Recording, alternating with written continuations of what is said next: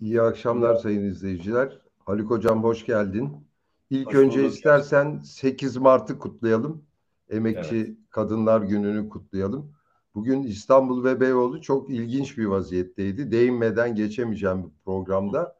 Ee, Beyoğlu'nun hem Tarlabaşı tarafından hem de Karaköy ve Fındıklı arasındaki bölümünden yaya merdivenleri dahil olmak üzere her yerde polis barikatları var ikamet ettiğini ispatlayamayan kimseyi içeriye almıyorlar. Araç geçişleri tamamen kapatılmış. Ee, yaşlı başlı araçlı insanlar evime gideceğim, arabamı otoparka park edeceğim diyor ama geçemiyorlar. Arabanı bırak yürüyerek git diyorlar. Ben bu yokuşu nasıl çıkayım diye bağırıyor insanlar. Böyle tuhaf bir sahne var. Ee, ilginç gerçekten Türkiye'de iki sıkı yönetim görmüş hatta 60 sıkı yönetimini hayal meyal hatırlayan birisi olarak 6 yaşında bir çocuk olarak valla böylesini çok az görmüştüm hakikaten. Evet bu da korkunun ne kadar büyük olduğunu gösteriyor zaten. Ee, herhalde artık nihayet bu bunun sonuna geldik. Bakalım yenisini kuracağız. Nasıl kuracağımızı da bilmiyorum ama. Umarım öyle olur. Konumuza dönersek eğer teknoloji konusunda birçok alana değindik ama hiç değinmediğimiz alanlardan bir tanesi sanatsal üretim ve icra konusunda teknolojinin ne tür etkiler yaptığıydı. Aslında sanat alanında teknoloji çok eskiden beri kullanılan bir şey. Hatta belki taşı taşa vurmadan sonra ya da tahtayı tahtaya vurmadan sonra ilk üretilen müzik aletleriyle düşünmeye başlarsak onlar da teknolojinin bir parçasıydı. Ama gerek üretimde gerek üretilen e, sanatsal ürünlerin e, izleyicilerine aktarılmasındaki kullanılan ortam yani bununla tuval, kağıt, e, CD, kaset, taş plak kastediyorum. Onları ifade ediyorum. Hem de icra sırasında çok çeşitli farklılıklar ortaya çıkmaya başladı. Üretim sürecinde bildiğiniz gibi çok eski kayıt cihazları, taş plaklara kayıtlar müzik alanından örnek verirsem, e, taşın üzerine yazıdan örnek verirsek, taşı yontarak yazılan yazılardan kağıda geçiş, matbaaya geçiş gibi büyük teknolojik sıçramalar oldu. Bu dönemde ama dikkatimi çeken bir şey var. Hem üretim alanında hem taşıyıcılar anlamında hem de icra anlamında aslında büyük bir çoğunluğu elle tutulabilir ortamlarda üretilen, taşınan kulakla algıladığımız ama icracıyı mesela müzikte gözümüzle gördüğümüz ortamdan sanallığa doğru ve bir e, yapayla yapay zekanın da devreye girmesiyle insan faktörünün ortadan kalktığı demek için çok erken ama insan faktörünü aklını ve duygularını destekleyen cihazların da devreye girdiği bir dönem yaşamaya başladık. Bu nereye kadar gidecek şu anda görebilmek mümkün değil ama e, içinde bulunduğum müzik sektöründen örnek verirsem şu anda e, bir konu verdiğinizde mesela İstanbul bugün yağmurlu dediğinizde size bununla ilgili rap olarak şarkı sözlerini veren e, bunun melodisini besteleyen diyemiyorum ama melodi melodisini kurgulayan ve bunu sanal bir sesle icra eden cihazlar mevcut. Bunların insan katkısıyla mükemmele yakın hale gelmiş olması da mümkün olabiliyor. Daha ilginci tabii gerek oyun ortamında avatarlar vesaireler kullanılarak gene ama oyun ortamları dışında sanal şarkıcılar kullanılarak mesela Japonya'da Hatsune Miku isimli bir şarkıcı var. Hatsune Miku. Bu e, son 20 senedir 17 yaşında olan bir avatar. Ve bu avatarın e, Japonya'da hadi Japonya, Çin gibi ülkelerde teknoloji çılgınlığı var diyebiliriz. Milyonlarca izleyicisi ve hayranı var. Konserleri milyonlar dolduruyor. Ama daha ilginci Kanada, Amerika gibi ülkelerde gene müthiş izleyicileri var bu sanal konserlerin. Sayıları milyonlarla ifade edilebilen. Bir diğer örnek var. e, Kore'de vefat etmiş olan bir Kore'nin ünlü bir pop şarkıcısı orkestranın diğer elemanları toplanıyor. Koreli şarkıcının hologramı oluşturuluyor. Sanal olarak sesi oluşturuluyor. Yapay zeka aracılığıyla eski şarkıları söylemiyor ama kendisinin ölümünden sonra ortaya çıkmış olan şarkıları kendi tarzıyla seslendirebiliyor ve bu konser televizyondan canlı yayınlandı. İzleyici sayısı 10 milyonun üzerindeydi. Ne düşünüyorsun hocam? Bu insanların e, en önemli yapay zeka alanındaki en önemli tartışma da bu. Hani insanların duygusal yönünü aktarma konusunda başarılı olamaz da deniliyor. Sanat da aslında duyguların ve hislerin ifade edildiği bir alan. Şimdi önce bence bilimle sanatın e, ne olduğunu netleştirmemiz var. Yani değil mi? Bu ikisi dünyayı al, algıladığımız, yani dünyayı algılamak için kullandığımız iki farklı yaklaşım. Bir tanesi bilim. Bilimde ne yapıyoruz? İşte gözlem yapıyoruz. E, teorik bakışımız var tabii her şeyden öncesi. Önce e, etrafımızda ne olup bittiğini anlamaya çalışıyoruz.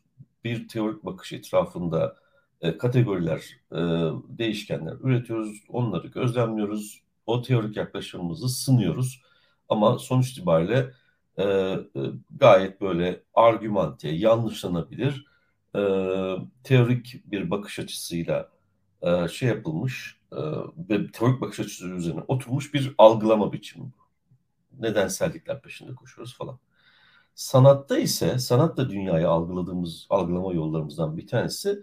Fakat burada üretim şeyine bakacak olursan, sürecine bakacak olursan, e, bu işte senin de altını çizdiğin gibi daha e, duygu aktarımı yoluyla, yani daha doğrusu etrafımızda olan bitenlerle kurduğumuz duygusal temelli ilişkilerle olan biteni anlamaya çalışıyoruz. Ee, bilimin e, gerçekleştirdiği şeyi sanatın yapması, sanatın gerçekleştirdiği şeyi bilimin yapması mümkün değil ama ikisini bir arada ele aldığımız zaman etrafımızda olan bitenin daha tam bir halini yapıyoruz. Yani çok basit bir örnek vermek gerekirse biz onu zaman zaman programlarımızda kullanırız. İşte biz işsizlik, işsizlik falan konuşuyoruz. İşte şu kadar oldu, bu kadara çıktı, bu kadara düştü, şunlar işsiz kaldı, bunlar bilmem ne oldu falan diye rakamlar. Ama bir de o işsizliğin nasıl yaşandığı var. Değil mi? Onu anlayabilmek için ee, işte orada sanat sanat çok iyi bir e, şey e, manivela. Değil mi? Marx zaten bunun herhalde en üstün kullanıcılarından biridir değil mi? Kap, böyle en teorik metinlerinin ortasında işte şiirlerden şuradan buradan o e, duygu ve nasıl yaşandığına dair şeyleri izlenimleri de yansıtmak istediği zaman istediği için onları da işin içine yediren son derece iyi bir üslubu da olan bir şeydir. Bir de ayrıca şimdi bu aklıma geldi.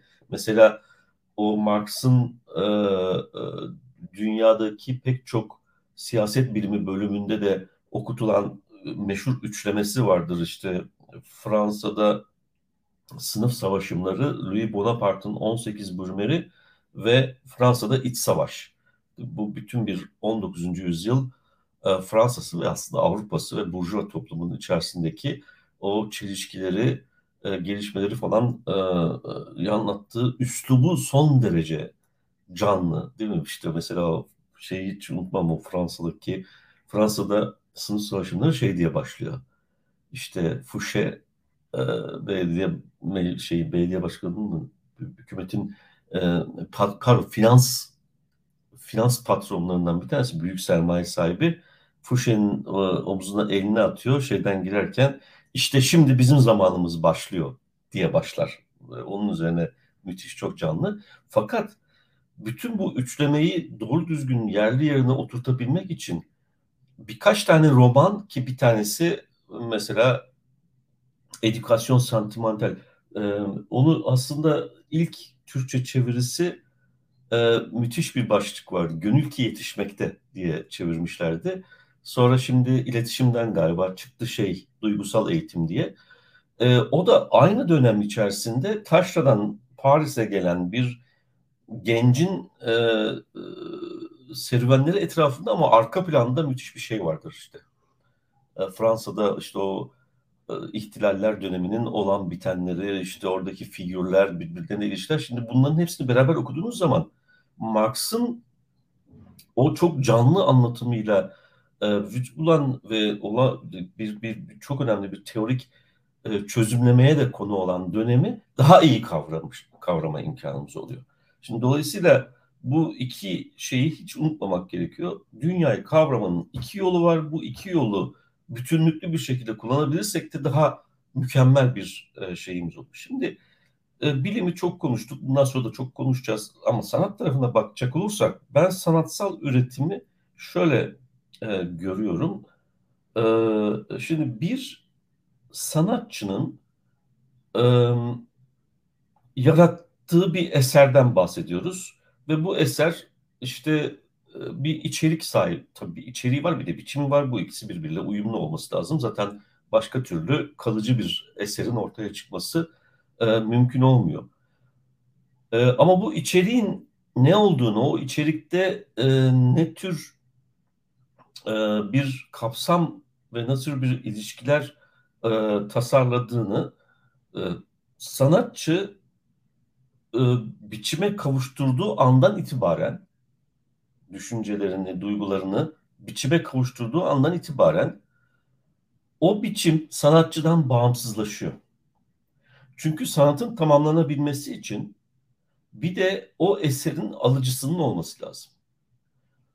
Burada yaratım süreci var, yaratılıyor, eser ortaya çıkıyor ama bu eserin e, gerçekten tam e, o sürecin tamamlanabilmesi için e, şeyin olması gerekiyor. Öbür tarafta bir alıcısının olması gerekiyor ve bu bütünlüklü süreç sürekli de değişim gösteriyor, değişim gösteriyor. Ve bu değişim iki, iki yönde ortaya çıkıyor.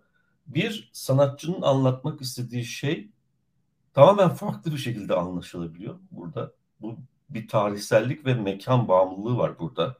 Yani e, her, herhangi bir sanat e, sanatsal bir sanat eseri bir e, tarih zaman diliminde belli bir noktada başka bir zaman diliminde ya da başka bir noktada algılandan farklı olarak algılanabiliyor ki bu bireyden bireye de çok farklılaşabiliyor ki bundan Tabii bir, rom, bir romanı ikimiz okusak iki farklı yorum yapabiliyoruz o evet. romanın üzerinde. Yani evet. tek eserden bu anlamda bahsetmek bayağı zor oluyor bazen. Mümkün değil. E, eserin müellifi açısından tek eser ama her okuyan kadar farklı bir eser ortaya çıkmış olabiliyor. Tabii. İşte o yüzden o sürecin bütünü önemli zaten. Mesela çok bilinen bir örnektir zaten e, Tolstoy'un Diriliş romanı. Değil mi? Tolstoy onu Hristiyanlık propagandası yapmak amacıyla yazmış. Ama Hristiyanlık propagandasından başka her şeye yarıyor. Yani o dönemin e, Rusya'daki toplumsal e, e, sınıfların durumunu, işte şeyin e, özellikle mujiklerin işte o köylü köy köydeki e, çalışan sınıfların nasıl büyük bir yoksullukça çünkü o kadar güçlü bir tasviri var ki e, romanda. Onu okuyan varsa çok e, denemek istediğimi anlayacaktır. O tasvir zaten onun arkasından gelen işte pek çok o döneme ilişkin e, analitik bakış açısıyla yazılmış eseri tamamlayıcı nitelikte kavuşuyor. Dolayısıyla onun üzerinden epeyce bir konuşma nedenimiz de bu zaten. Değil mi? Onun bir büyük eser haline dönüşmesi e, ancak bu şekilde gerçekleşmiş bir, bir şey. Ya da işte o Charles Dickens'ın e, romanları, iki şehrin hikayesi bilmem ne falan onları e, okumadan kapitalizmin ilk döneminde nasıl büyük bir e, e, eziyet üzerinden geliştiğini işte bunları kavramak çok e, zorlaşma ya da Engliz olayı şunu bunu falan okumadan işte e, Sefiller Hugo Fransız evet. devrimini anlamak için okumak, mutlaka okumak gereken bir şey. Tabii. Dolayısıyla ama işte hep altını çiziyoruz. Bu büyük eserler özellikle e, tamamlanmıyor hiçbir zaman. Yani çünkü o sürecin bütünlüğü e, üretim şey sanat sanatçı eser ve o eseri e, e, tüketen tırnak içinde o kötü bir laf ama o, o, o, o eserden faydalanan diyelim hiç olmazsa e, izleyicinin bütünlüklü bir süreç ve bu izleyici farklılaştıkça da hep bunlar e, değişkenlik de gösteriyor. Dolayısıyla aynı hazzı birisi e, bir diyelim bir şey yaparken müzik parçası dinlerken birisi bir çok duygulanıyor, çok şey yapıyor, beğeniyor, beğeniyor falan ama bir başkası aynı hazzı almayabiliyor çünkü e, hepimizin içinde bulunduğu ortam, deneyimlerimiz yani hayattan edindiğimiz deneyimler, o deneyimlerin etrafında biçimlenmiş olan kişiliğimiz çok çok farklı. O yüzden de birbirinden farklı e, haz düzeylerinin e, olması, ortaya çıkması çok şey değil, şaşırtıcı değil. E, şimdi burada teknoloji her zaman vardı. Değil mi? Çünkü sonuçta bir Stradivarius kemanla ne bileyim sıradan bir keman arasındaki performans arasında fark var tabii. Dolayısıyla o onu bir teknoloji müdahalesi sayabiliriz. Yani bir tanesi işte mükemmel tınılarla e, müziğin icra edilmesini sağlayan bir alet. Öteki ise e, daha sıradan bir şey olabilir. Ya da işte piyanoda benzer şeyleri duyabiliyoruz. Bunu her kulağım mesela benim kulağım o kadar ayrıştıramıyor ama bunu ayrıştıran dünya kadar e, uzmanlaşmış ya da işte bazı yeteneklerini eğitimle geliştirdiği için bu ayrıştırmayı yapabilecek kapasitede insanlar olduğunu e, biliyoruz. E, şimdi bu tabii bu teknoloji ha, bir de tabii şunun da altını çizmemiz gerekiyor. Bir e, sanatsal sanat eyleminde e, bir e, eser meydana getirip duran daha doğrusu duran değil demeyelim de onu belli bir anda biçime kavuşturup donduran faaliyetler var. Bir de bunun icra tarafı var değil mi? O, o da çünkü sanat yani performans kısmının ön plana çıktığı icra da sanatın bir parçası. O eserin icra edilmesi olabilir ya da tamamen işte bir doğaçlama bir şeyler olabilir falan filan belli formlar altında e, sanatın icra edildiği şeyler e, ya da icranın sanat haline dönüştüğü haller de olabilir. Şimdi peki o zaman teknoloji bunun e, burada bir insan yaratıcılığının tamamlayıcısı, uzantısı olarak var oldu. Şimdiye kadar alışık olduğumuz şey bu. Bunu hep böyle söyledik. İşte ne bileyim önce tiyatro vardı, sonra sinema çıktı.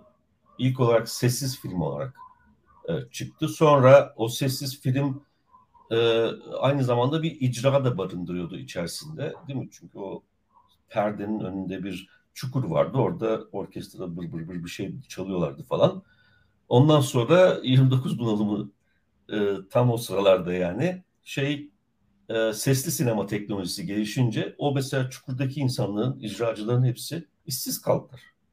Değil mi? Onu e, başka sektörlere ya da işte eğlence sektörünün başka alanlarına gelip. Lafını keserek bir küçük anekdot ekleyeyim. Ee, ortaokuldayken Kadıköy'de Süreyya sineması vardır. Herkes şimdi başka bir mekan haline geldi orası. İlk İstanbul'a 65'te geldiğimizde Süreyya sinemasına götürdü babam. Çocuğuz biz filme. Ee, çok büyük bir sahne vardı önünde çünkü konserler de uygula icra ediliyordu. Ama sahnenin önünde o dediğin çukur vardı. O çukurun ne olduğunu öğrenene kadar içim rahat etmemişti. Sonra öğrendim ki orası orkestra çukuruymuş. Evet. Yani e, teknoloji çıktı. Sonra işte bu teknoloji o kadar gelişti ki artık e, baştan aşağı sadece teknolojiyle e, gerçekleştirilmiş yani e, oyuncuların olmadığı ya da oyuncuların suretlerinin e, güçlendirildiği değil mi? Eskiden makyajla şunla bununla falan ancak o havayı verebiliyorduk. Bütün şey bütünlük oluştu ya da neyse o hikayenin gerektirdiği biçimleri e, ortaya çıkartabiliyorduk ama daha sonra bu artık e, bilgisayarla beraber çok çeşitli ortaya çıkan e, programlarla ve kapasitenin çok yükselmesiyle beraber e, şimdi bir de o oyuncunun e, icra edilebileceği şeyleri tümüyle işte mesela senin verdiğin örnekler aslında bu da çok benzeyen örnekler. Yani bir yerde bir icra var. O icrayı gerçekleştirmesi e, mümkün olmayan vefat ettiği için şu olduğu için bu olduğu için birileri e, e, yerine teknolojinin e, ikame ettiği avatarları kullanarak sanki o hayattaymış gibi devam edebiliyoruz, icra ediyoruz. Ama şunu sormak lazım şimdi. Bu birebir aynı. Yani senin konun olduğu için sana sormak daha doğru bunu. E, çünkü o icra icranın yüksek performansı değil mi? Mesela ben şimdi açık havada e, neydi Burhan Öcal'ın bir konserine gitmiştik. Trakya All Stars diye. Trakya All Stars sahnede çalıyor. İşte bu da klarnetin Türkiye'deki Benny Goodman'ıdı diye birini e, tanı, tanıştırdı. Hakikaten bir solo yaptı. Yanımda oturan arkadaşım ay diye fırladı. Yani olağanüstü bir performanstı. Tabii çıkarken hepimiz CD'leri satın aldık. Eve geldik. Yok öyle bir şey performans. Yani o her defasında farklılaşan, kiminde zirve yapan, kiminde o icracının içinde bulunduğu duruma bağlı olarak seyirciyle koyduğu motivasyona şey ilişkiye bağlı olarak e, düşen, yükselen bir şey var.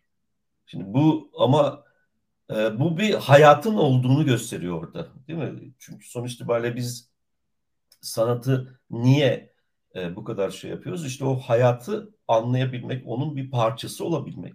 Hatta bazı yerlerde belki bir arınma duygusu da e, içermesi açısından e, bu sanatın bir parçası olmaya çalışıyoruz. Ama orada o karşılıklı ilişkiyi bu son derece mekanik yerde, mekanik ortamda bir avatar üzerinden e, gerçekleştirebilir miyiz? Burada peki şöyle bir şey sorayım sana. Şimdi verdiğin örnekten gidelim.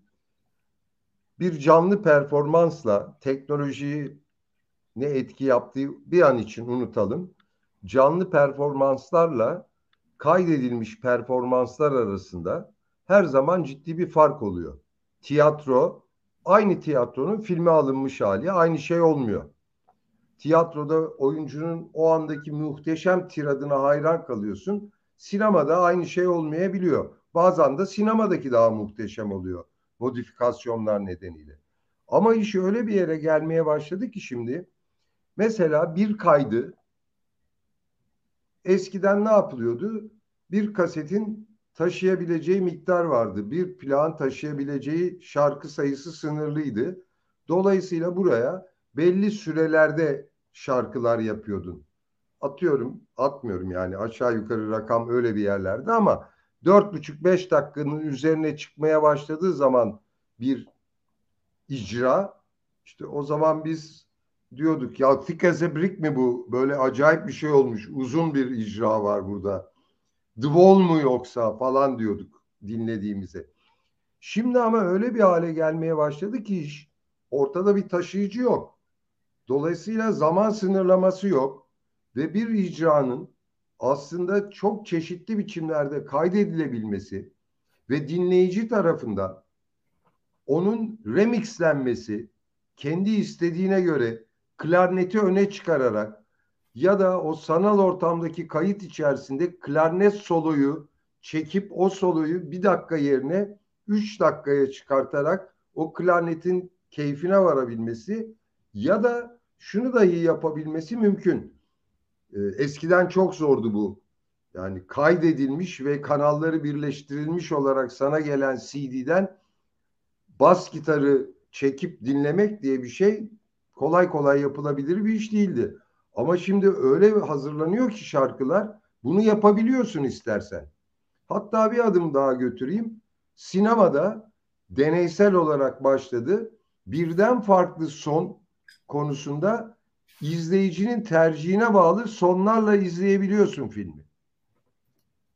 Bu acaba o ilk başta değindiğin e, üretim ve onu tırnak içerisinde tüketenin bütünlüğünden ortaya çıkan eser kavramını daha çeşitlendirecek bir gelişme değil mi?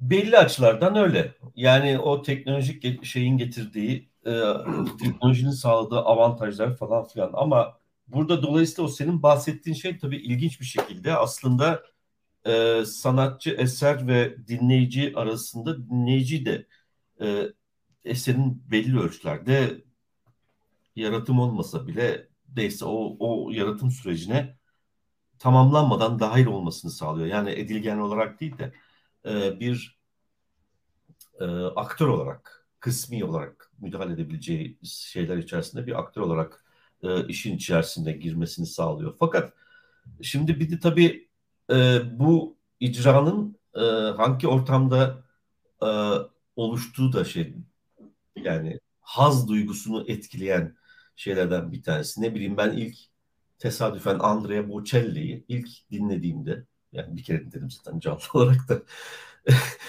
e, Paris'teydim bir şey için toplantı için yaz ayıydı ve e, Champ de Mars'ta tam o Eyfel'in orada herhalde 150-200 bin kişi vardı.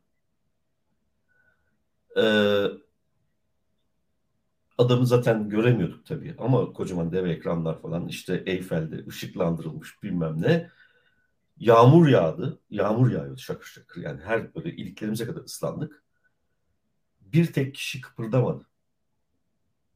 Şimdi orada o e, adamın söylediği e, şeyleri sonra defalarca dinledim. Ama oradaki hazzı alamıyorsun. Çünkü orada bir şey paylaşıyorsun bir de. Yani e, eğer hani dünya çünkü sonuçta biz tek başımıza var olabilen varlıklar değiliz. Değil mi? Bütün bu paylaşımın da bir hazzı artıran, düşüren neyse bir şeyi var. Yönü var. Ee, ikincisi o senin sözünü ettiğin şey yani işte izleyicinin de e, remixleme yoluyla ya da başka türlü şeyle işte bas ne bileyim e, bateriyi öne çıkartması, işte sol, çeşitli soğuları öne çıkartıp ötekini durdurması, geri bastırması şu bu falan. E o biraz sesi açıp kapamayla da en basit hali bu müdahale olduğumuz bir şey. Yok buna katılamayacağım. buna katılamayacağım. Dolayısıyla ama yani nitelik olarak çok farklılaştıran bir şey değil. Orada belki ancak şundan bahsedebiliriz. Ee, e, teknolojinin geliş, gelişmesiyle birlikte bazı sanatsal alanlarda e,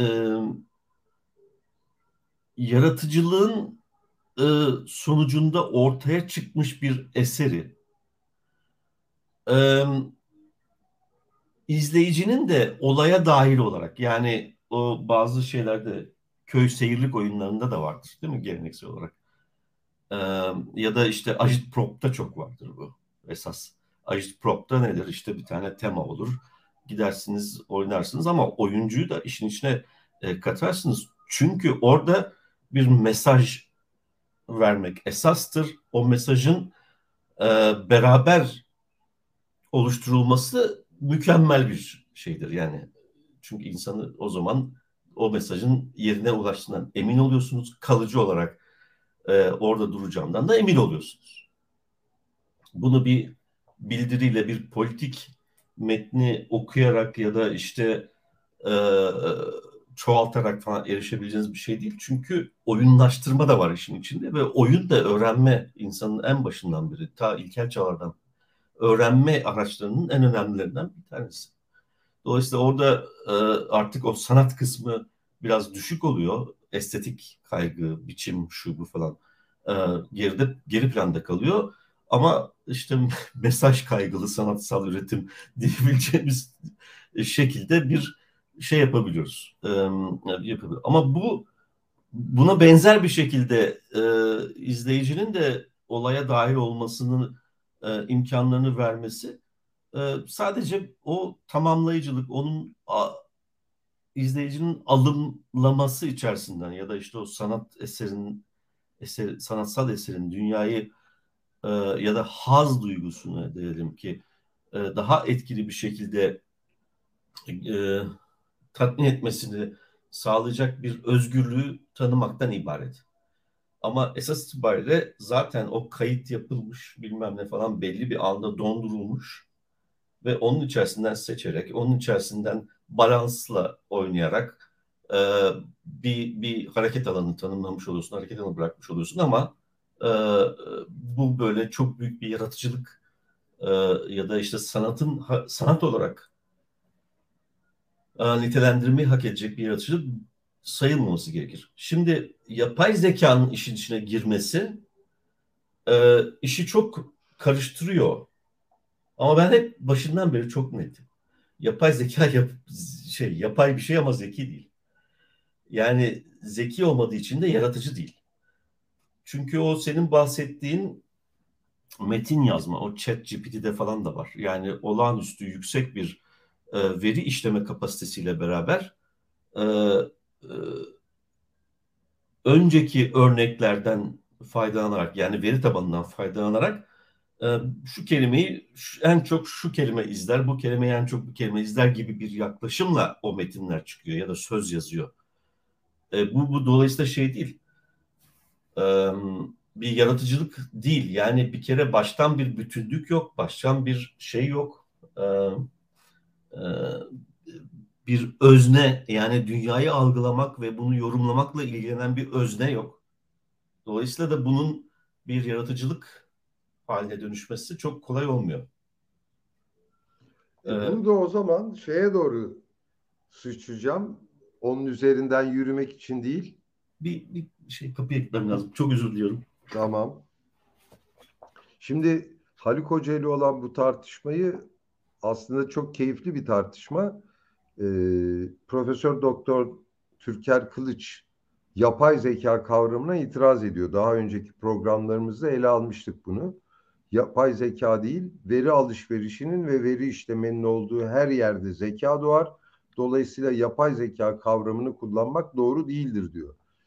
E, son dönemde geliştirilen özellikle bu generatif Türkçe'ye bazen üretici diye çevriliyor. Bazen üretken diye çevriliyor. Yapay zeka uygulamalarıyla beraber iş biraz daha farklılaşmaya başlıyor. Çünkü bu tür yapay zekalar hatalarından tırnak içerisinde öğrenmeyi de gerçekleştiren yapay zekalar.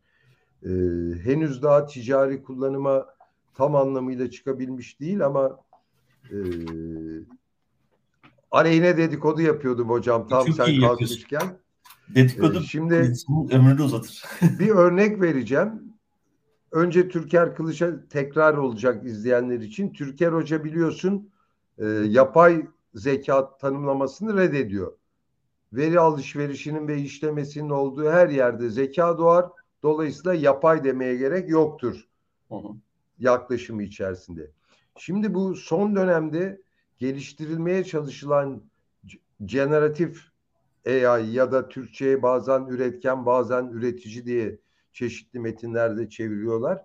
Yapay zeka çalışmalarında ortaya çıkan faktör bir hayli farklılaşıyor gibi geliyor.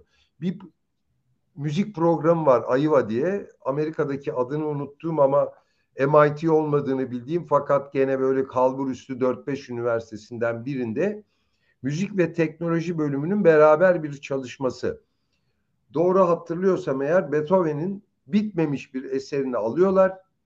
Beethoven'in bütün eserlerini dinletiyorlar makineye. Makine diyeyim. Prototip aşamasındaydı bu yapıldığı zaman. Her şeyi dinletiyorlar. Farklı müzikler dinletiyorlar. Öğretiyorlar yani makineye. Ve sonunda tamamlamasını istiyorlar parçayı. Makine tamamlıyor. Çok uzun bir bölüm değil ama. İtiraf etmek lazım ya. 10 dakikalık bir bölüm değil, kısa bir bölüm. Sonra bu parçayı icra ettiriyorlar bir sanatçıya ve müzik insanlarının, klasik müzik dünyasının önde gelen isimlerinin huzurunda icra ettiriyorlar. Herkesin ilk tepkisi kim buldu tamamlanmış notaları? Yani Beethoven'in değil demiyor kimse tamamlanmış notaları kim buldu diye zıplıyor. Bu gerçekten hani yapay zeka teknolojisi geliştikçe neler yapılabileceğine dair bir işaret gibi geldi bana. Tabii ki burada şöyle bir kalıp var. Basite indirgemek için diyorum. Matematik formu ne var. tür besteler yaptığı belli. Ama burada insan yaratıcılığını müthiş sıçratacak bir şey olabilir. Yani siz oturup ben çok basit bir deneme yaptım bu beste yapanlardan biriyle. Maalesef Türkçe yapamıyorlar. Mesela dedim ki İngilizce yazıyorsun metni. İstanbul'u kurtaralım. İklim krizini engelleyelim. İngilizce teksti yazıyorsun. Türü seçiyorsun. Rap diyorsun. İşte bunun içerisinde hızlı mı olsun, yavaş mı olsun? Benim aklımın ermediği bir müzik seçeneği var. O kadar iyi bir müzik bilgim yok. Bunları yapıyorsun. Beğenmedim kendi yaptığımı. Aynı sözlerle bir daha denedim, bir daha denedim. Beşincide bir baktım çok hoşuma gitti. Ben ne beste yapmayı bilirim, ne nota yazmayı bilirim. Sözleri değiştirebiliyorsun, oynayabiliyorsun. Dolayısıyla sanki burada insanların kendi duygularını dışa vurmaları anlamında müthiş yaratıcılıklarını geliştirecekleri bir süreç açılıyormuş gibi geliyor bana. Doğru. Bu da yani ben... kapasitemizi çok arttırıcı bir olay. Kesinlikle. Yani hep e, kritik nokta şu zaten.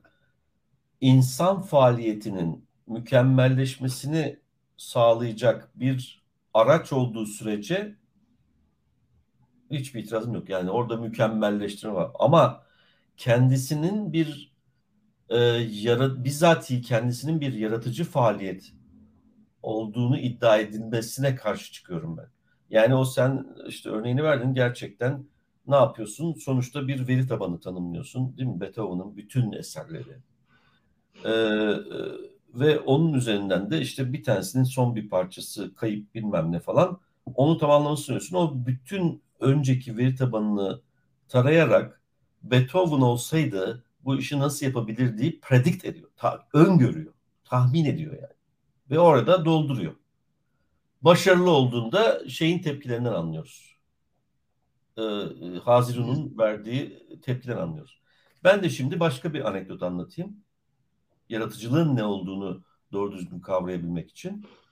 Liszt Macaristan'a gidiyor. Büyük bir ulusal uyanışın olduğu dönem çünkü ve şey ihtilalci bir ortam var falan. Otelde kalıyor. Tabii Macar ulusunun sembol isimlerinden birisi hayattayken de ee, ve şey yapıyor. Ee, millet işte herkes toplanıyor otelin önüne. Böyle bir gösteri havası falan oluşuyor. Ee, konuşma yapmasını istiyorlar çık balkona konuş diyor. Fakat Macarca bilmiyor. List. Onun üzerine ne yapacağım ne yapacağım çıkıyor ve Macar rapsudileri orada çıkıyor işte. Ama şimdi olsaydı List kendi ana dilinde konuştuğunda çevirmen Macarca'ya çevirdiğinde dinleyiciler List'in sesiyle evet. List'i Macarca konuşarak dinleyebiliyorlardı. Bu şöyle geliyor bana. Şimdi biraz önce verdiğin örnek var ya e, Paris'te yağmur altında izledik diye. Şimdi bu üç boyutlu teknoloji, sanal dünya işleri ve bu başlıklar işte 2035 gibi hesaplamalar yapılıyor. Gözlük düzeyinde kalınlığa inecek headsetler, o koca e, başlıklar diye. Böyle bir yere indiği anda belki İstanbul'da otururken de orada böyle bir konseri yağmuru hissederek izleyebilme olanağımız olacak. Bu insanın deneyimlemesini çok değiştiren bir şey ve biz okumakla öğrendiğimiz kadar deneyimleyerek de öğreniyoruz bir şeyi. Ee, teknolojinin azizliğine uğruyorum. Arkadan şey yapıp duruyor çünkü. Ee, lamba herhalde bitecek. Ee, şimdi doğru fakat çok bam telime bastığının farkında mısın bilmiyorum ama şu metaverse Biraz dünyası... provokatör derler bana.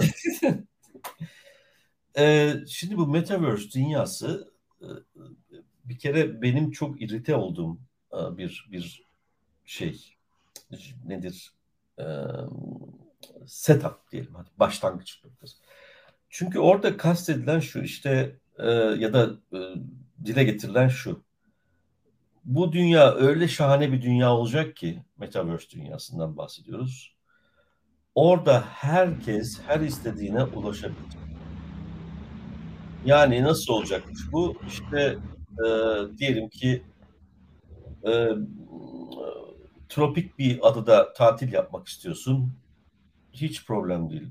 Gerçek dünyada bunu yapamazsın çünkü paran yok. Ama orada her şey senin. Prada çanta mı almak istiyorsun? No problem. Because gerçek dünyada Prada 3000 dolar olabilir. Senin e, bir yılda o 3000 doları kazanamıyor olabilirsin. Ama hiç problem değil. Gerçekten e, Avatar'ın sen değil ama Avatar'ın bunu şey yapabilir. Peki e, nereden geliyor? Peki sonunda ne oluyor? Yani sonuçta işte tabii o şey zırvalıklarına falan demiyorum hani oradan arazi aldım üstüne şunu yapacağım bunu yapacağım falan filan gibi zırvalıkları falan bir kenara bırakıyorum.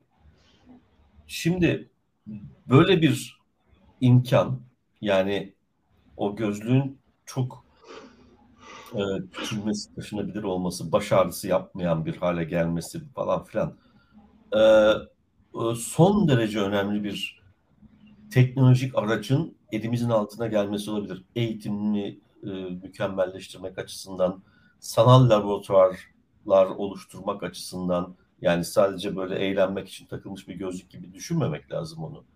E, bunun ağ babası aslında şeyde e, Star Trek'te 90'lı yıllarda e, hayal edilmiş Holodesk diye geçiyor. Yani e, bu e, Metaverse dünyasının bir de maddeleştiğini düşün. Çünkü orada işte o şey var. E, moleküler düzeyde e, recycle edilebildiği için e, teorik olarak o da mümkün çünkü. Sadece enerjiyi bugün karşılayabilecek düzeyde değiliz ama e, bu soğuk füzyonla onun karşılanması da mümkün olabilecek bir şey. E, bir prototipi önce orada yapıyorlar ve çalıştırılıyor e, sanal düzeyde dolayısıyla ama maddeleşmiş bir halde ve şey yapılıyor. Orada zaten holoroman diye bir kavram var. Yani romanı okumak diye bir şey yok. Romanı e, seçiyorsun, oradan bir karakter seçiyorsun veya tamamen dışsal bir karakter olarak dahil olup e, sadece sonunu değiştirmekten bahsetmiyoruz. İçeriği tamamen oynuyoruz. Çünkü düşündüğün zaman oradaki karakterin yazarın ona verdiği kişileş kişiden kişilikle diğer karakterlere verdiği kişilikleri analiz edip normalde teorik olarak senin e, romanda olmayan bir cümle sarf etmen halinde sana onun karşılığını mantıklı bir şekilde vermesi ve o karakterin verebileceği şekilde vermesini sağlamak da mümkün. Uç noktaya gittiğimizde yani. Bu e, Ama bu muhteşem bir şey değil mi? Evet ama bu yaratıcılık değil. Yani Niye? yapay zekanın yapay zekanın yarattığı bir şey değil. Sen halen eninde sonunda ona bir pist tanımlıyorsun ve o pist içerisinde serbest bırakıyorsun. Ve o serbest bırakmayı da veri tabanına göre veriyorsun. O yüzden işte o veri tabanını mesela kontrollü vermezsen o Star Trek'te de bazen işler çığırından çıkıyor. Holo, holo öyle o kadar güvenli, güvenlikli bir yer değil yani onu söyleyeyim. Ee, bütün şeylere rağmen öldürücü herhangi ya da yaralayıcı herhangi bir e, hareketin olmasının engellenmiş olmasına rağmen zaman zaman problemler olabiliyor. Çok hoş başka hikayeler de var orada ama neyse şimdi vaktimiz olmadığı için geçeyim.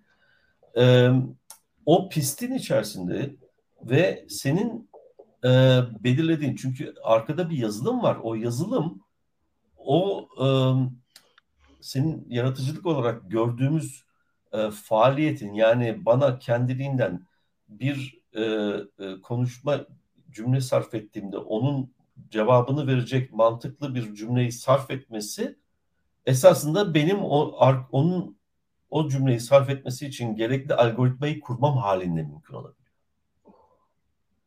İşte o algoritma zaten orada konuşan yani e, serbest vezim konuşan diyelim hani ezberlenmiş bir laf değil. Serbest vezim konuşan aslında yine benim yazdığım algoritma. Ee, tam burada o zaman bir soru sorayım. Şimdi bu sanatın dışına çıkmış gibi gözükecek belki ama Google'ın mıydı? Chatbot'u vardı bir tane ve kendi testte kendi aralarında bir dil geliştirdiler. İki tanesi. Ve sonunda kapattılar, korktular algoritmayı yazanlar. Çünkü bütün o algoritmadan kendisi bir şeyler üretmeye başladı sonuçta.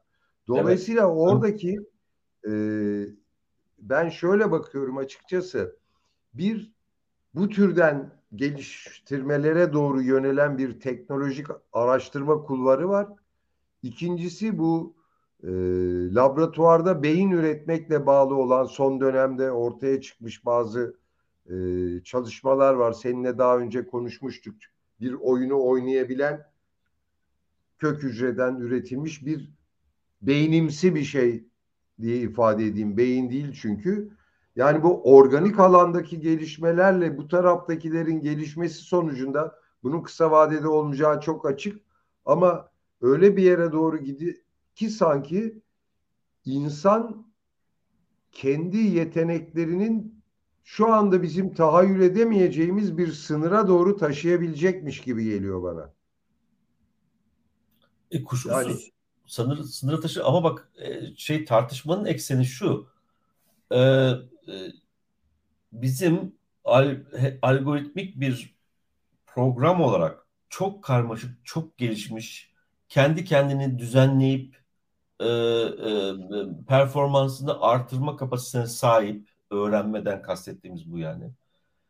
E, ve dolayısıyla o algoritmanın daha etkin çalışmasını sağlayacak araçları da kendi içerisinde üretebilen e, bir şeyden bahsediyoruz. Yazılımdan bahsediyoruz sonuçta. Ama bu yazılımın o kurallarını şey yapıyoruz. Şimdi kritik nokta burada şu senin bahsettiğin o chat chatbot meselesinde falan evet ilk başta anlamadılar. Birbirleriyle ne oluyor bu rastgele mi değil mi falan filan sonunda e, bir e, dil geliştirdiğini iddia ettiler ama e, o da biraz abartılı bir yorumdu yani. Çünkü sonuçta birbirlerinin çalışma şekillerini şey yapabilen, kullanabilen, bilebilen bir şeyden bahsediyoruz. Ve etrafta gördükleri daha doğrusu o internet bir de hani bir tane onun öncesinde de bir tanesi şey olmuştu. Bayağı ırkçı faşist bir evet karaktere bürünmüştü. Onların da şey Şimdi buradaki kritik nokta yani çünkü buna her, herhangi bir yazılıma e, bir form ve bir yaratıcılık atfediyorsak yani hakikaten yaratıcı bir faaliyette bulunurken o zaman onu bir yaşam formu demek lazım. İşte tam burada Şimdi o yaşam Bak, yaşam... neuroscience'a doğru da gitmemiz lazım bence. E, o onun yaşam formu neyin yaşam formu neyin yaşam formu değil yani neyin yaşam formu sayacağız konusunda aslında birkaç tane e, kural demeyelim ama böyle hani tartışmalar sonucunda ortaya çıkmış bir iki şey var. İşte bir tanesi e, e, kendini koruyacak yani içinde bulunduğu şeye göre e, duruma göre değerlendirip e, e, iyi olanı ve tehdit tehdit öngöreni şey yapabilecek, algılayabilecek bir şey olması, e, bir bir yapıya kavuşması. İkincisi e, bu e, norm koyabilir olması. Esas bizim için önemli olan yani insan topluluğu açısından e, önemli olan o normatif bir davranışa geçiyor, geçip geçemiyor. Şimdi orada da ön tabii şöyle bir e, teorik problemle karşı karşıya bu e, kodlama yapanlar ve deli gibi bir sürü insan onun üzerinde çalışıyor çözmek için. Bence çok e, kabus dolu günlere sürükleyebilir, gayet distopik bir noktaya sürükleyebilir. Şimdi bizim holistik bir düşünme tarzı şeyimiz var, yeteneğimiz var. E, bu hayvanlarda da var, işte bitkilerde de var. Bu çok tartışmalı bir konu bu arada yani. E, şeyin e, diyelim ki e, kuşlar uçar. Ee, işte deve kuşu bir kuştur ama deve kuşu uçmaz. Atıyorum yani.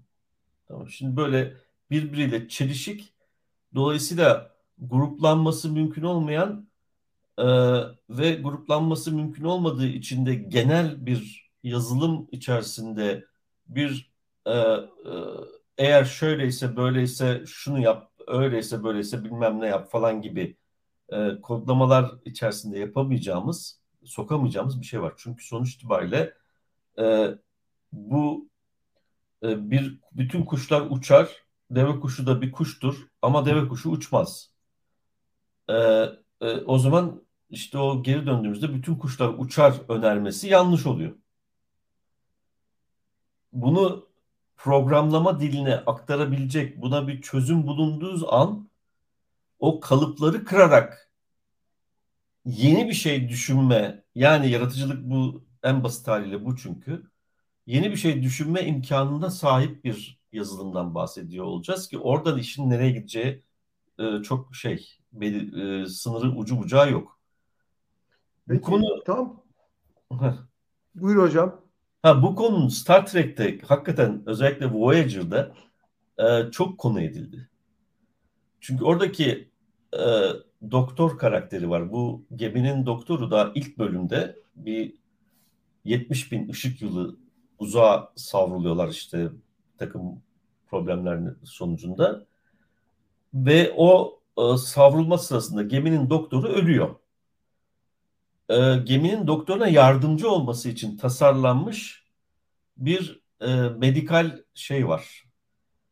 E, yapay zeka diyelim. Yani e, yıldız şeyin yıldız filosunun ya da işte neyse e, federasyonun e, gezegenler arası federasyonun bütün tıbbi birikimini e, yüklenmiş olduğu bir veri tabanı. Yani her şeyin yüklenmiş olduğu veri tabanı var. Ve o işte doktor, geminin doktoru işte soru sorduğu zaman çıt çıt çıt oradan veriyor. Şimdi buna tabii doktor öldüğü için e, buna diyorlar ki doktor sensin. Tabii önce bir şey oluyor falan. Ondan sonra yavaş yavaş yavaş yavaş onu deneyimlemeye başlıyor. Ve karar almaya başlıyor. Şimdi normalde o karar almak üzere programlanmış bir şey değil. Ee, yazılım değil. Yardımcı bir yazılım.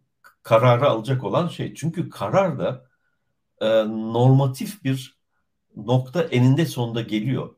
Yani çok meşhur daha önce belki burada e, ele almıştık. E, iki tane yaralı var. Bir bölümde tamamen buna ayrılmıştı çünkü. İki tane yaralı var. E, ancak bir tanesini kurtarabilecek bir şey var. E, müdahale süresi var. İkisinden birini kurtarabilecek doktor.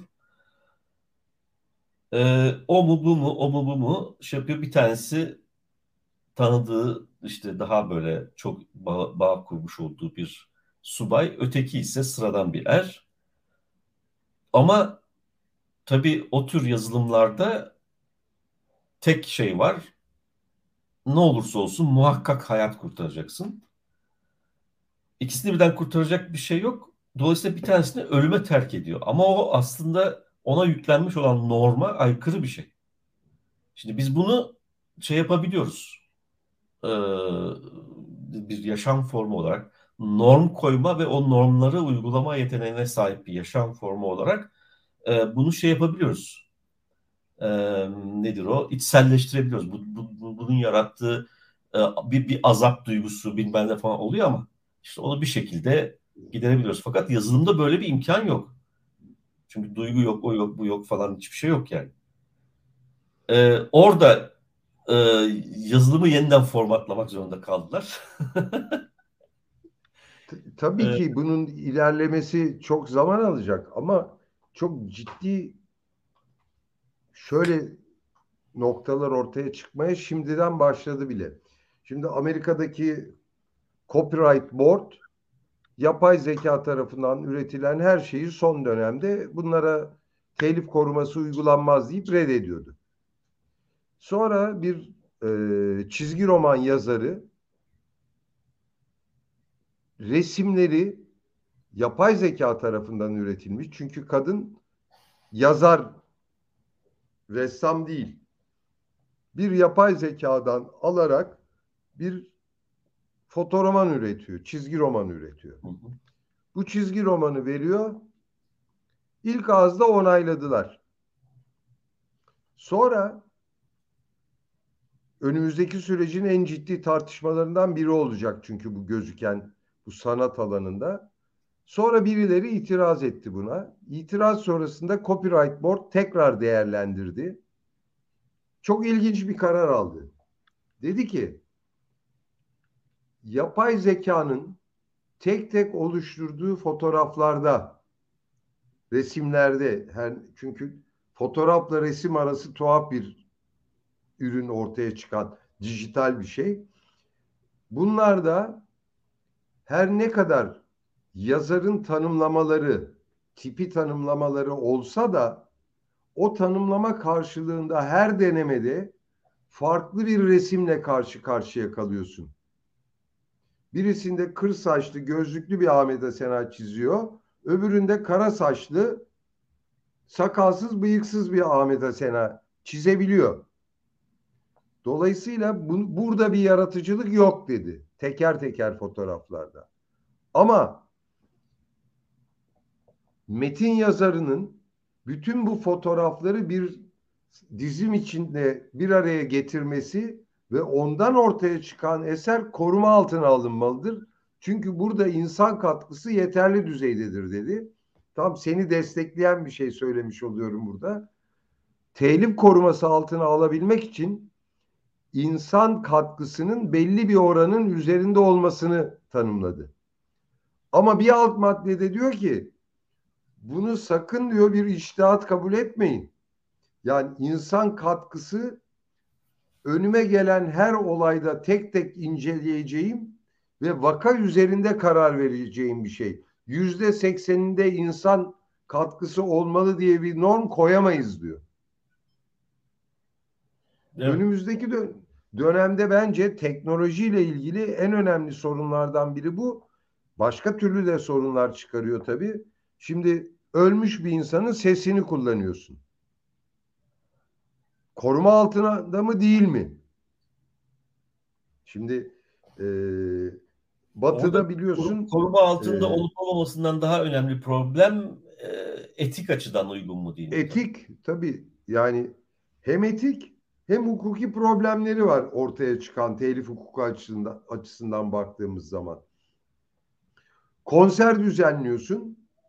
Konserde Sezen İstanbul'da, Tarkan Ankara'da, e, Orhan Gencebay İzmir'de üçü aynı sahnede söylüyor.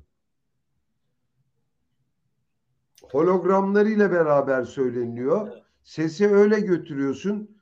Üç defa mı söylendi kabul edeceğin çok hukuki bir şey sorduğum şimdi. İcrayı bir mi kabul edeceksin, üç mü kabul edeceksin? O aşılır. Onun, onun, onun orada bir e, şey tutarsın, e, norm norm geliştirirsin ve onun üzerinden gidersin. Ama şimdi burada e, şimdi vefat çok önemli, yani çok farklı bir şey değil mi? Özellikle geride kalanlar için de. Çünkü bir sürü seremonisi var. Onun unutulması, şusu busu ya da unutulmaması, anılması. Şimdi bu, bunlar, bütün bunlar e, ortadayken ve bu e, insan bütün çevresiyle bağlantısı içerisinde düşünülmesi gerekiyor burada ve e, bütün toplumlarda en ilkelinden itibaren, ilk, en ilkel çağlardan itibaren bu ölüm ve e, ona ona ilişkin seremoniler çok önemli bir yer tutuyor toplum hayatında. Şimdi oradan birisi kalkıp da bu onun yasal mirasçısı da olabilir, bilmem ne de olabilir. Hiç fark etmez. Biri kalkıp onun sesini kullanarak, görüntüsünü kullanarak sanal ortamda ya da işte benzeri bir yerde bir insanları stada toplayıp hologram üzerinden konser yaparsa ne olacak? Yani sanki işte hiç ölmemiş gibi karşında duruyorsun. Onun e, ölüm anını sürekli olarak ya da ölmüş vefat fikrini sürekli insanlarda hep o aynı acıyı tekrardan yaşatacak şekilde e, canlı tutmuş olmuyor musun yani? Şimdi bu dolayısıyla tartışılması gereken bir konu. Bir. İki, o öteki taraflar gerçekten çok e, şey değil, e, sorun değil. Bir de e, bu e, herhalde bu konudaki önemli unsurlardan bir tanesi sadece sanatla ilgili olan değil. İşte o otomasyon sistemlerinin e, kendi başlarına baştan sona bir bir dizi eylemi ger yapacak şekilde bir işi gerçekleştirmenin ne bileyim işte Google Drive'ın arabasının sürülmesi falan filan gibi sürücüsüz araba, sürücüsüz tren. Ee, e, burada özgür irade meselesi çok önem taşıyor biliyorsun. Yani bir kötü bir şey olduğunda, bir kaza olduğunda e, onun özgür iradesi var mı? Özgür iradesi yoksa e, onu bir araç olarak düşünüyorsak bu aracı e, kazayı yapmasından ötürü kimi sorumlu tutacağız? Meseleleri de çok henüz açıkta olan, tartışılmakta olan bir şey. E, dolayısıyla şimdi ne bileyim ben işte o e, yapay zeka diye adlandırdığımız otomasyon sistemlerinden veya yazılımlardan biri e, bir e, atıyorum mesela internet üzerinde birine tutup da şey yaparsa tacizdi şuydu buydu küfür ederse sıkıştırırsa yani çok kötü bir muamele yaparsa falan e, ne olacak bunun sorumlusu kim olacak o zaman? Şimdi öbür tarafta bir de tabii bu duygu meselesi de çok önemli. Yani yaratıcılığın önemli asli unsurlarından bir tanesi de duygu. Çünkü sonuçta e, sanatçı o eseri oluştururken belli içinde bulunduğu ortamda e, duygu alışverişlerinin sonucunda ortaya çıkartıyor değil mi o eser? En de ne kadar teknoloji kullanıyor, kullanmıyor. Sonuçta e, ya da işte yani belli bir seviyede teknoloji kullanarak, alet kullanarak falan bunu yapıyor. E, şimdi dolayısıyla şeyde bu algoritmik e, programlarda duygu yok. Bizim Star Trek'teki doktor kendisine duygu subrutinleri yazıyordu. Şimdi duygu subrutini yazınca burada enteresan bir nokta var. Şimdi biz bu programlardan kesinlik ve e, precision bekliyoruz değil mi? Böyle çok şey e, tam olması gereken yerde tam olması gerektiği gibi çalışmasını bekliyoruz. Çünkü zaten hata yapmaması bunun esas şeyi hata yapmadığı için de esasında o icra tarafındaki şeyi e, performansı sakatlayan bir şey. Çünkü hata yapıyor olması lazım ki o hatasızlık oranı düşük olduğunda yüksek performanslı bir icra e, tanımını yapayım. Yani yata, hata yapma ihtimalinin olması lazım. Yani. Böyle bir şey. Ama o programlarda öyle bir şey yok. E, dolayısıyla e, bu hatasızlık içerisinde bizim e, şimdi duygu subrutini eklediğin zaman e, duygu rasyoneliteyi şey yapar. Aşındıran bir şey. Dolayısıyla hata yapmaya başlıyor. Çünkü duygulanıyor, aşık oluyor bilmem ne falan filan. Sonunda kendi kendisine şey yapmaya karar verdi. O duygu sabrutinlerini e, ortadan kaldırmaya karar verdi. Şimdi bunlar çok ilginç tartışmalar. Yani karakterler üzerinden gider. Zaten e, bir tane şey var. E, e, Vulkan e, işte Mr. Ne, karakterin ismini unuttum da e, bilim subayı tabii bütün e, Star Trek. Spock mıydı o? Yok o ilkindekiydi. Bu Voyager. Evet, ikinciyi diyorsun tamam. Spock'ın lafı geçer ama e, Tuvok. Ha, Tuvok diye bir e, şey bilim subayı. E, şimdi vulkanların özelliği de şu. Bunlar yıkımın gezegen olarak yıkımın eşine gider. Çünkü çok çatışmacı bir tür. Birbirlerini kesiyorlar sürekli böyle. Tam yok olma aşamasındayken ulan bu böyle gitmeyecek. Bu duyguları bastıralım. Ee, meditasyonla falan filan. Ee, ve hakikaten bastırıyorlar bütün yıkıcı duygularını. Ama bununla beraber tabii mesela gülmüyor, şakadan anlamıyor, şu falan her türlü duyguyu bastırmış ve saf akıl kalmış durumda. Dolayısıyla onun da insanlarla olan ilişkisi işte e, zaman zaman şey e, doktor hologram işte böyle yıllar geçtikçe o subrutinlerle falan bir şeyler öğrenip onu şey yapıyor, e, taciz ediyor. Bir başka tip daha var yine bu, bu çerçevede tartışılabilecek. Üçüncü sezonda e, ortaya çıktı. Evrende e, kolektif kötülüğün e, timsali yani e, kendilerine kolektif diyorlar ama bir tane merkezde tek bir şey var. Her şey, bütün herkes ona bağlı ve drone diyorlar. Dolayısıyla birey olma imkanı yok yani böyle faşizmin de bir sembolü gibi e, düşünülüyor bu. Oradan 3 e, yaşındayken asimile edilmiş, dolayısıyla kolektife katılmış bir bireyi kurtardılar insan. Onu o tabii kurtarıldığında 25 26 30 yaşlarında falan bir insan tabii. O kadar süreyi hep şeyde geçirmiş. Borg uygarlığında geçirmiş. Onu kurtardılar ve onun tekrar birey olma süreci e, aslında o duyguları kadar. Çünkü o kolektifte müthiş bir şey var. Efficiency, böyle etkinlik takıntısı. Yani işte her şey olması gerekiyor. O kurtuluyor ama o takıntıyı da şeyde devam ettiriyor. Onun da insanlarla ilişkisi. İşte bütün bunları seyredince aslında o şeyi e, yapay zekanın niçin yaratıcılıktan uzak kaldığını, uzak olduğunu, niçin e, zeki bir varlık olarak değerlendirilemeyeceğini daha kolay kavruyor insan. Bir parça Burada tam o zaman sen diyorsun ki Marx'ın deyişiyle Fransızca, Almanca konuşma mevzusunda yapay zekalar asla Fransızca konuşamayacaklar. Hep Almanca gidecekler. yani bir bir açık kapı bırakalım ama öyle. yani sonuç itibariyle e, demin de söylediğim gibi o norm kazanma ya da norm koyma becerisini kazanma mümkün olursa ki o teorik problemi çözerlerse matematikteki teorik problemi çözerlerse yani o sınıflandırmada e, birbiriyle çelişik üyelerin e, e, karşılıklı etkileşimini de doğru bir şekilde analiz edebilecek holistik bakışa sahip olabilirse günün birinde algoritmik düşünce e, olabilir.